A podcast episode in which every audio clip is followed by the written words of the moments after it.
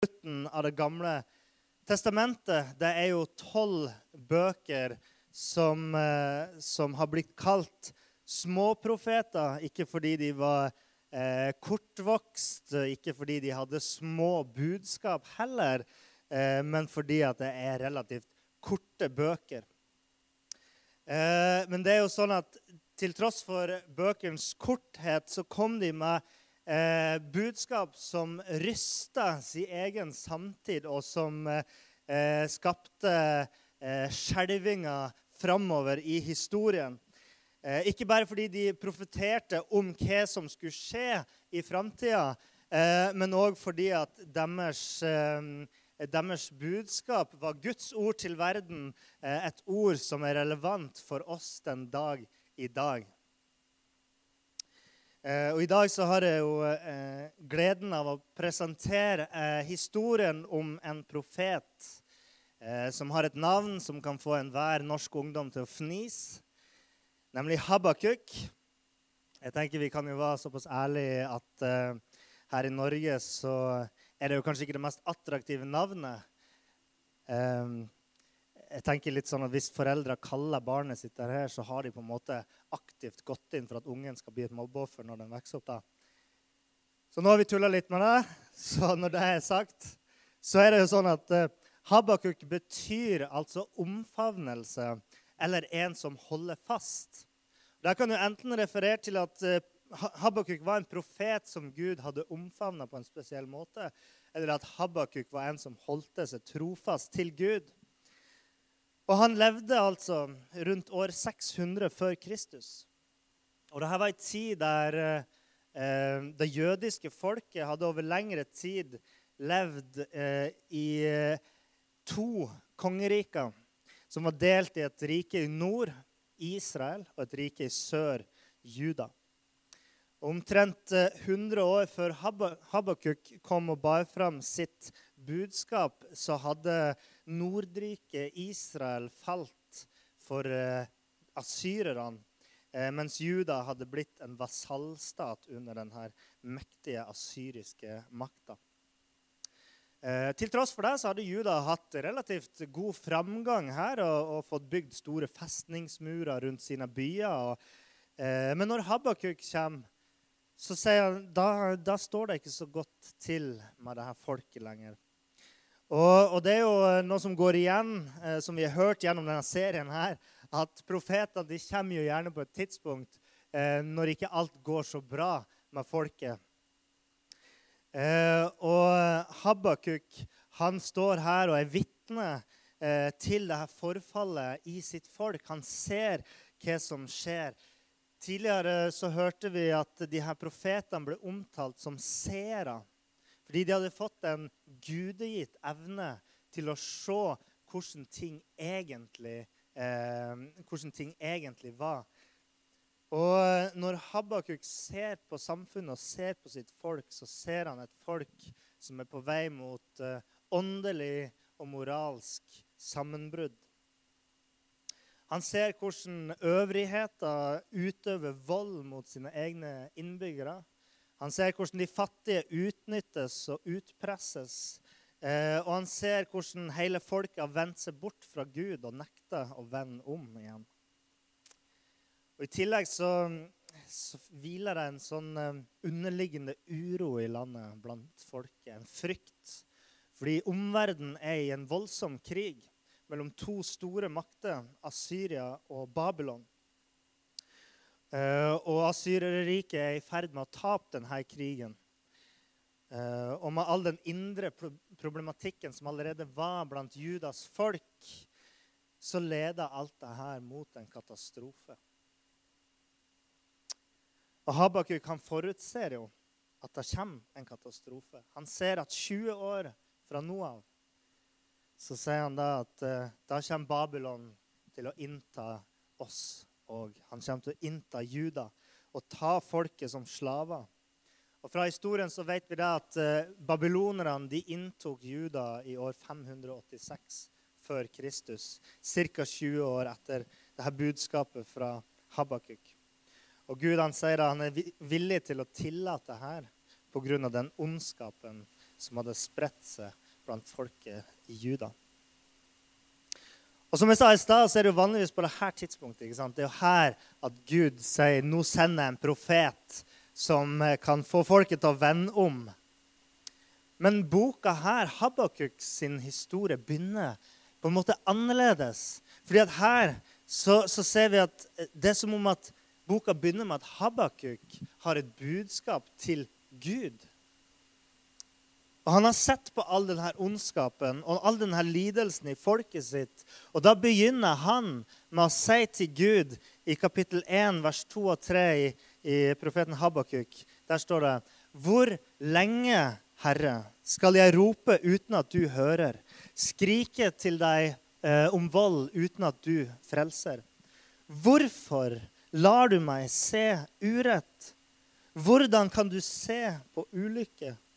Herjing og vold like ved meg. Det blir strid. Det kommer trette. Utgangspunktet for Habakuk sin tjeneste som profet, det er det her. Han tviler på at Gud bryr seg lenger. Og han ser på det som en byrde å ta på seg denne jobben, som det står i, i vers 1 i boka hans. Habakuk kan tenke altså at Gud han har forlatt sitt folk til en forferdelig skjebne. og Derfor så roper han ut til Gud. Hvorfor, Gud? Hvorfor kan du stå og se på det her? Er du her, Gud, midt i all denne ondskapen, eller er du borte? Et spørsmål vi ofte hører den dag i dag, som kanskje mange har stilt seg sjøl eh, her òg. Når vi tenker på vår egen historie her i Norge, så har det ikke alltid bare vært velstand her til lands. Eh, men for meg, som har vokst opp på 90-tallet, så har det jo bare vært velstand. Eh, bare fryd og gammen. Kanskje til og med mest gammen. Og jeg har aldri liksom trengt å, å, å, å, slite med tanken om at jeg skal miste alt, eller, eller gått med en sånn frykt for at skal, velferden skal ta slutt. Men, jeg vet jo innerst inne at en dag så vil alt dette ta slutt. Kanskje ikke i min levetid, eh, men det vil jo ta slutt på et tidspunkt. Eh, og det er klart Vi kan se i noen vestlige land så kan vi se det være økonomisk krise, og noen land sliter veldig. Eh, det er indre stridigheter, det er politisk uro i visse land. Og, og, så det kan jo tyde på at ting har allerede begynt å snu noen plasser. Men jeg har aldri kjent på kroppen at jeg går og frykter for framtida. Så den situasjonen som Habakuk står i, jeg vil jo si at den er nesten motsatt av det som vi opplever her. Og Spesielt når Habakuk får svar fra Gud. Og Gud sier han vil tillate at de her babylonerne skal få invadere landet deres. Og Gud sier i vers 6 og 7.: Se, jeg reiser opp kalderene, det er altså babylonerne. Det brutale og raske folk, folkeslaget som farer vidt omkring på jorden for å innta boliger som ikke tilhører dem. Skremmende og fryktelige er de. Når jeg leste det her, så tenkte jeg eh, når det står her for å innta boliger som ikke tilhører dem, og sånn, og, og skremmende og fryktelig, så tenkte jeg det her er jo akkurat som når en nordmann beskriver en eh, dørselger som kommer midt i middagstida. Midt i middagstida! Skremmende! Det er helt fryktelig at de kan komme sånn her og innta boliger som ikke tilhører. Sånn. Men eh, dere har sikkert hørt uttrykket 'fra asken til ilden'. Det er jo det som skjer her. Eh, de går fra noe ille til noe som er enda verre. Og Det er kanskje ikke akkurat det svaret som Habakuk hadde håpa på når han eh, gikk fram for Gud og, og, i all sin frustrasjon ropte ut sitt 'hvorfor' til Gud. Og Det er ikke så rart at Gud han sier i vers 5 eh, for jeg vil gjøre et verk i de dager Han sier om denne profetien om at babylonerne skal komme. så sier Gud, For jeg vil gjøre et verk i de dager som dere ikke vil tro, selv om det blir fortalt. Og det er jo nettopp eh, nesten som at eh, Habakuk nekter å tro at Gud kan, eh, kan komme der. Her. Han sier til Gud i, i vers 12 og 13 eh, Der står det vil eh, Nei, der står det Er du ikke fra gammel tid, Herre, min hellige Gud, eh, du som aldri dør? Herre, du har satt dem til å dømme. Vår klippe, du har gitt dem fullmakt til å straffe. Øynene er for rene til å se det onde. Ulike orker du ikke å se på. Så hvordan kan du se hvordan kan du se på de troløse og tie når den urettferdige sluker den som er mer rettferdig enn han selv? Habakuk snakka altså om babylonerne. Eh, hvordan har Gud satt dem til å dømme, spør han. Hvordan kan du gi dem fullmakt til å straffe oss? Er jo, de er jo urettferdige og troløse. Hvordan kan du sette de til å bestemme over våre skjebne? ikke sant? Og For meg så, så fremstår det som at dette er en mann som, som, er frustrert. Han er sliten, han er kanskje til og med sint. Og han lengter etter et svar. Han trenger et svar på disse spørsmålene. Han kan ikke forstå. Hvordan kan Gud holde ut? Hvordan kan Gud stå der og se på all den ondskapen som er i landet? Og hvordan kan Gud la de bli invadert av et folk som i Habakuk sine øyne er enda verre enn, en sånn som det står til i, i Juda? Men det er det her som gjør Habakuk så spesiell. Det er at han går i rette med Gud. Han anklager Gud og kommer med sin kritikk. Han kommer med sin tvil og all sin frustrasjon. Og ikke bare på vegne av seg sjøl, men han gjør det på vegne av hele folket. Så går han innenfor Gud eh, eh, i den posisjonen som han er i som profet. Og det er jo som når Paulus skriver i romerbrevet. Han, han sier at eh, Paulus sier han skulle gjerne vært forbanna og skilt fra Kristus så lenge det gagner eh, hans søsken, som er hans, eget folk. Men Gud han har jo altså bestemt seg for å bekjempe ild med ild. Eh, og det er jo noe som vi mennesker også gjør når vi skal bekjempe skogbranner, f.eks. bråtbrann. Eh, når brannen sprer seg ukontrollert, så tenner man en motbrann for å hindre at brannen sprer seg. sånn at når den når den ukontrollerte brannen når frem til det punktet der vi har tent en motbrann, så er det ingenting lenger å brenne. Da stopper den. Så Det er jo det som skjer, eh, skjer her, at, at Gud han bekjemper ondskap ved å tillate en annen ondskap. Så Habakuk sitt spørsmål i vers 12 og 13 her er jo egentlig hvordan kan du bruke onde mennesker til det gode? Gud?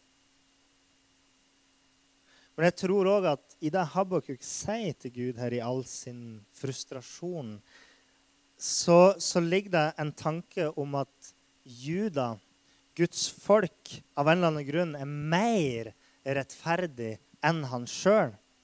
Eh, nei, er mer rettferdig enn en babylonerne. Du kan ta neste side der. For det er det han sier da, ikke sant? Eh, hvordan kan du eh, se på de troløse og tie når den urettferdige sluker den som er mer rettferdig enn babylonerne.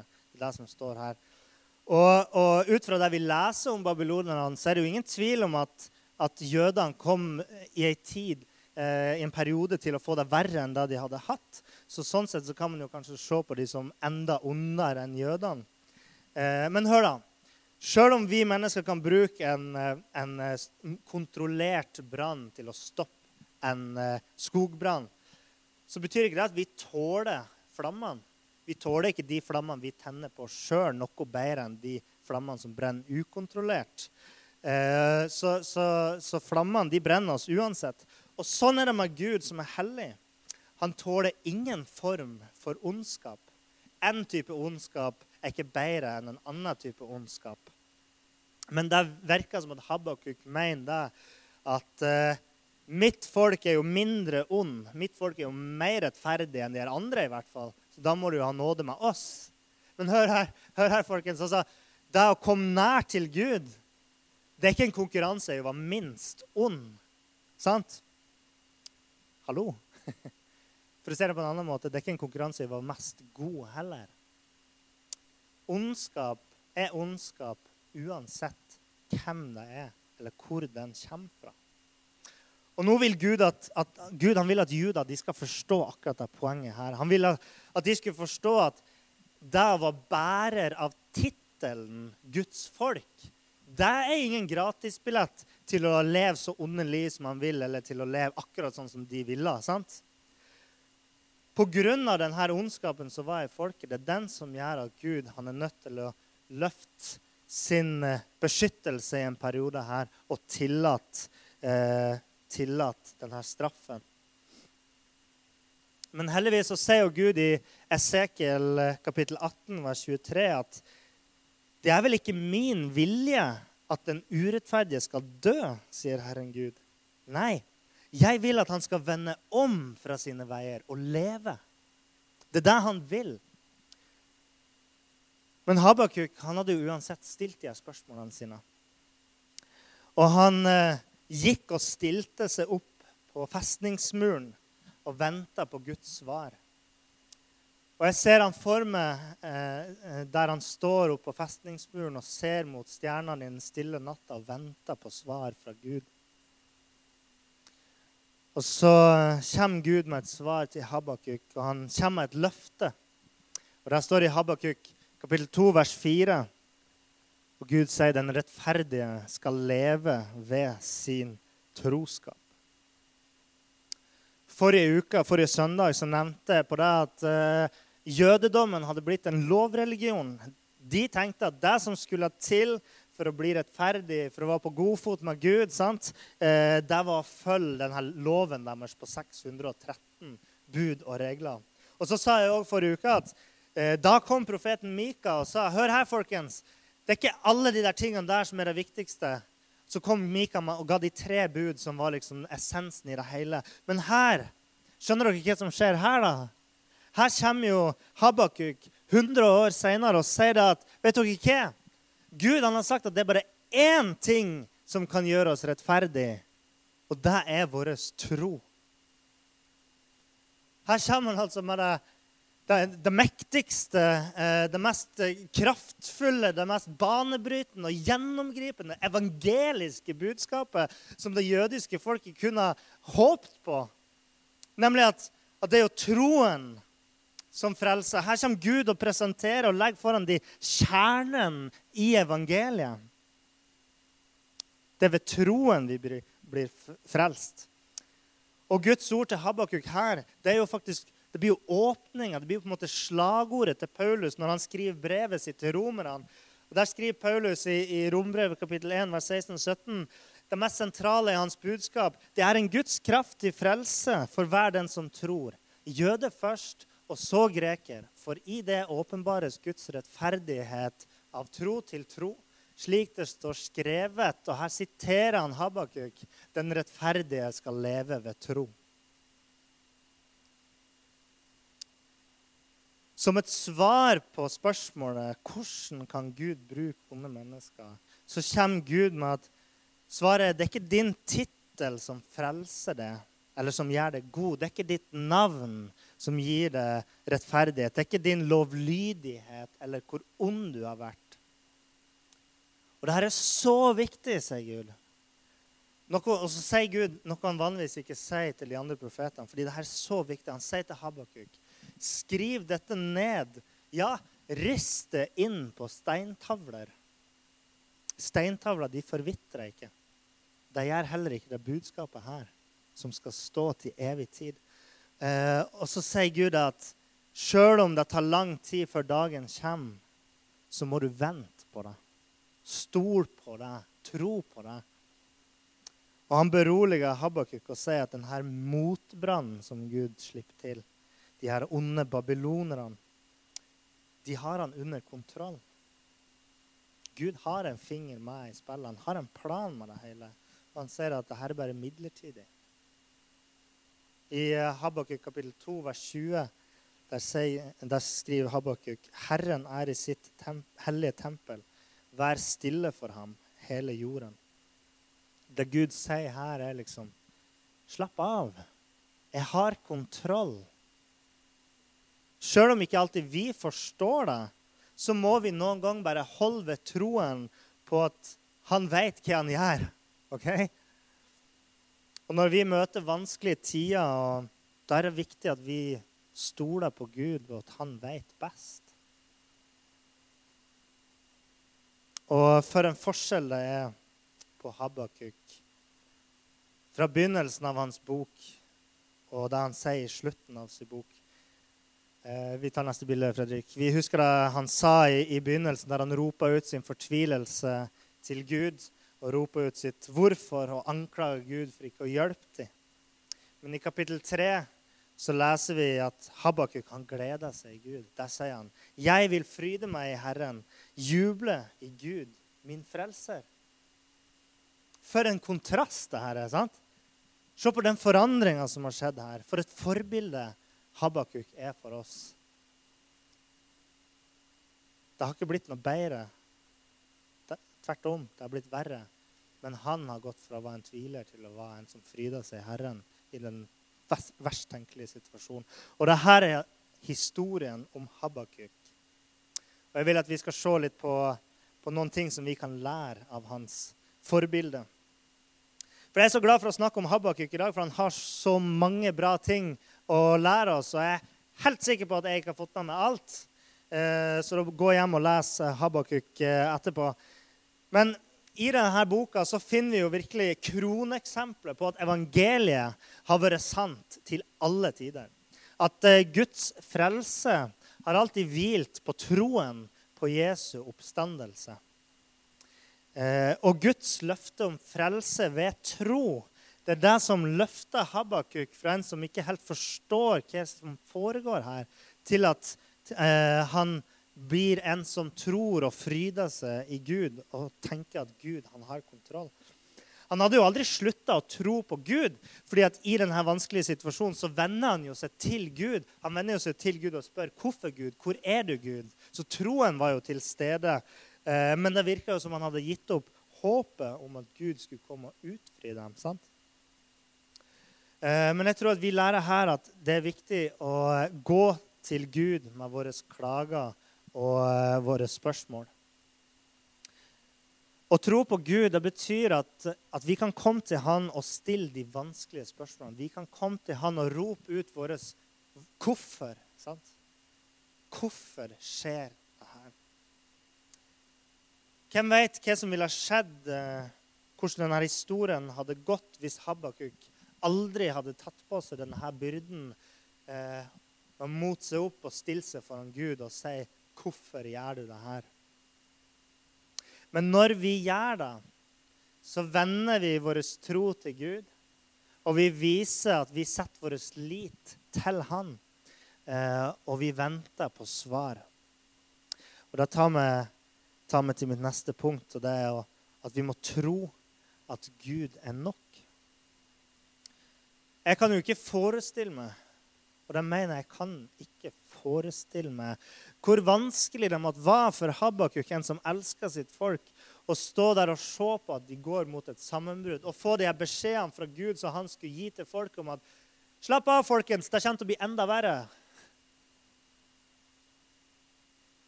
Og vite at familier de kom til å bli revet fra hverandre, og hus og heim kom til å bli tatt fra dem. Verdigheten til menneskene kom til å bli krenka. De kom til å bli gjort til slaver. Til og med landet de eide, kom til å bli tatt fra dem. Men til slutt så skjer det noe med Habakuk som gjør han i stand til å glede seg, til tross for at forholdene eh, var så ille rundt han. Og ikke bare finner han glede, men han til og med priser Gud, folkens. Det er litt av en forandring. Og når vi var på tur med konfirmantene tidligere i høst, så fant jeg fram noen historier eh, om en rekke kristne martyrer som har levd opp gjennom historien. Og En av de her historiene var om en mann som heter Rikard Wormbrandt. Eh, han var prest i Romania eh, på 1900-tallet, på den tida da landet ble eh, underlagt kommunismen. Og I 1948 så blir han arrestert, han blir henta fra prekestolen i en gudstjeneste og tatt i fengsel. Og Der ble han sittende isolert, alene i ei celle i mange år. Han så ingen andre mennesker på de her årene, bortsett fra de som kom for å torturere ham. Vaktene hadde til og med pakka inn føttene sine i tøy, sånn at de ikke skulle høre at det var noen utafor. Så de satt der helt alene. Han beskriver det som å dø. Men midt i denne smerten og denne ensomheten som Rikard Wormbrand setter i, så får han ei åpenbaring i cella si i fengselet. Og han beskriver det sånn her. Kongenes konge, Jesus, var sammen med oss. Det var jo flere i fengselet, men han satt alene på cella si. Jesus var sammen med oss. Vi så hans forståelsesfulle, kjærlige øyne. Han tørket tårene våre. Han sendte oss ord av kjærlighet og tilgivelse. Vi var omgitt av engler. Vi var sammen med Gud. Og så sier han om, om sin tro på Gud midt i det her.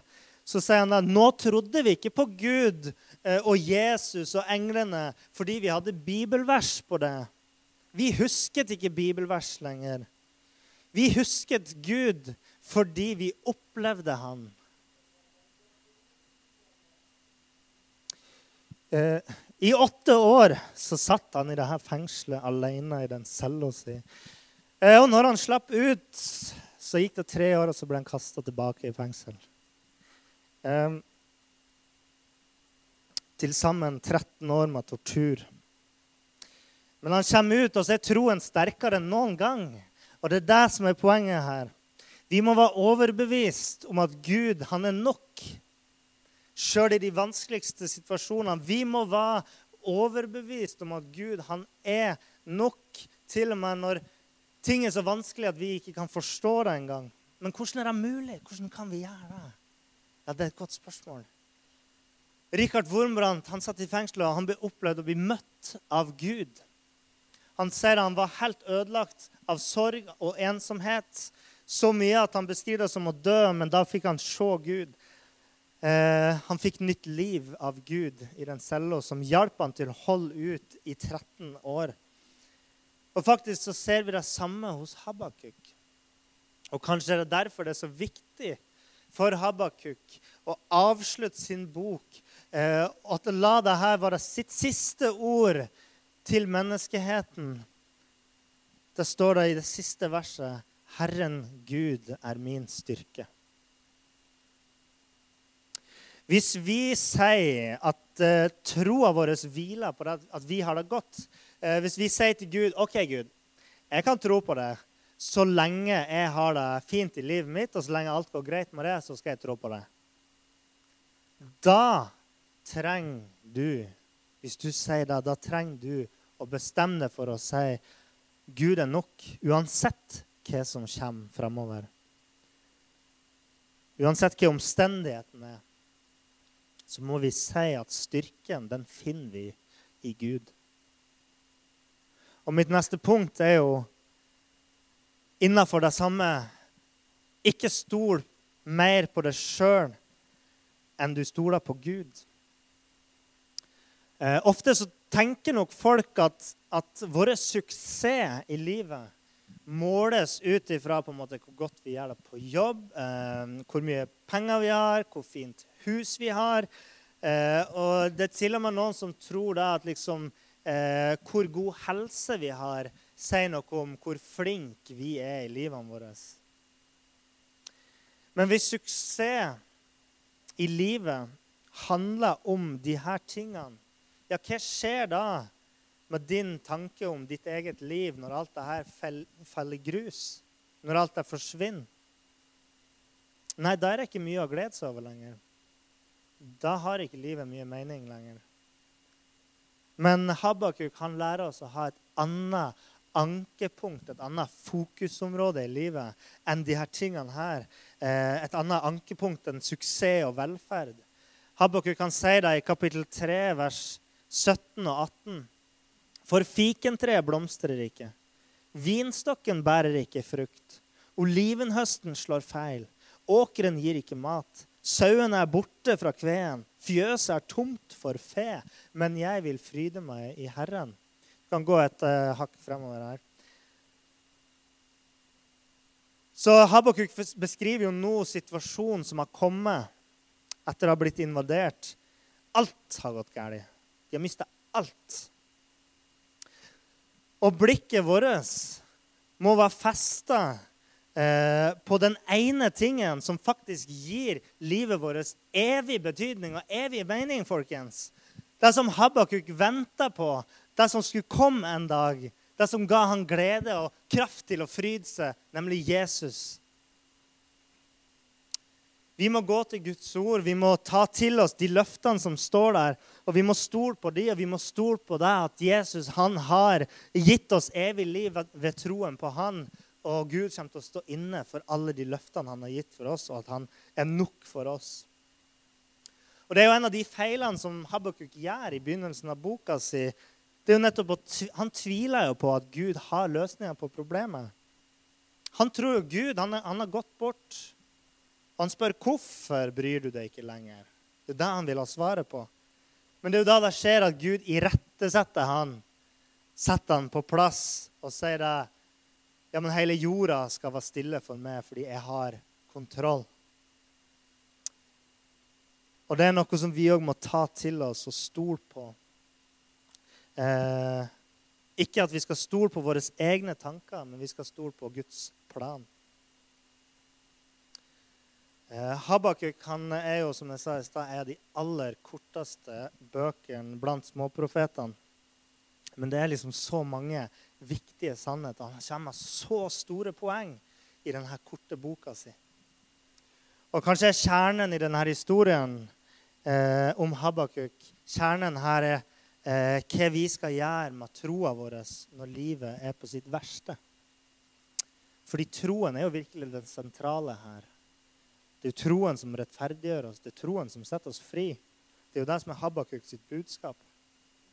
Og gjennom denne historien så lærer vi at tro handler ikke om at vi nødvendigvis får svar på alle spørsmålene. Jeg tror fortsatt Habakuk hadde noen spørsmål han ikke fikk besvart. Eh, eller at han, han fikk i hvert fall ikke de svarene han ønska seg. Det er ikke det troen handler om, men troen er at vi stoler på Gud allikevel. Troen eh, handler ikke om at livet alltid kommer til å være lett.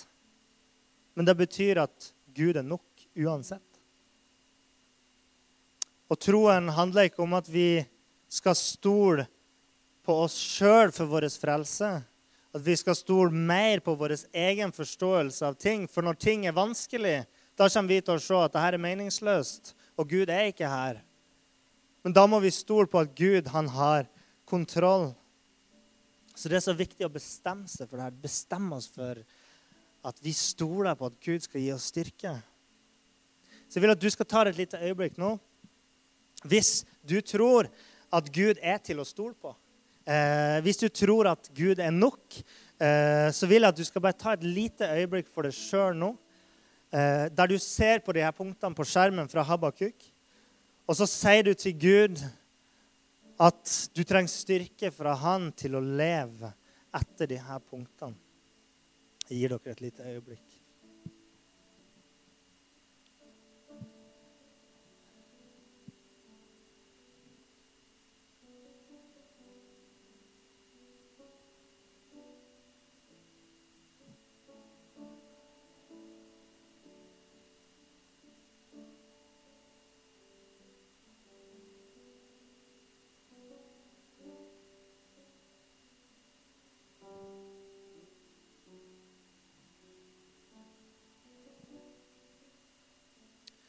Skal vi be en bønn sammen eh, helt til slutt. Himmelske Far, jeg takker deg sånn for at eh, du ikke har et ønske om å straffe oss eller straffe noen mennesker, men at du kun har lyst til å sette oss i frihet og gi oss liv. Jeg takker deg sånn for at du er en far som lytter, du er en som bryr seg om våre problemer og våre vanskeligheter, Gud. Lær oss å stole på det, Herre, mer enn det vi stoler på oss sjøl. Og hjelp oss å finne den samme gleden som Habakuk fant, Herre. Sånn at vi kan òg si at, at, vi fryder oss i det, og vi gleder oss i, i det, Jesus, uansett omstendighet. Både i gode og i onde dager. Det ber vi deg om i Jesu navn. Amen.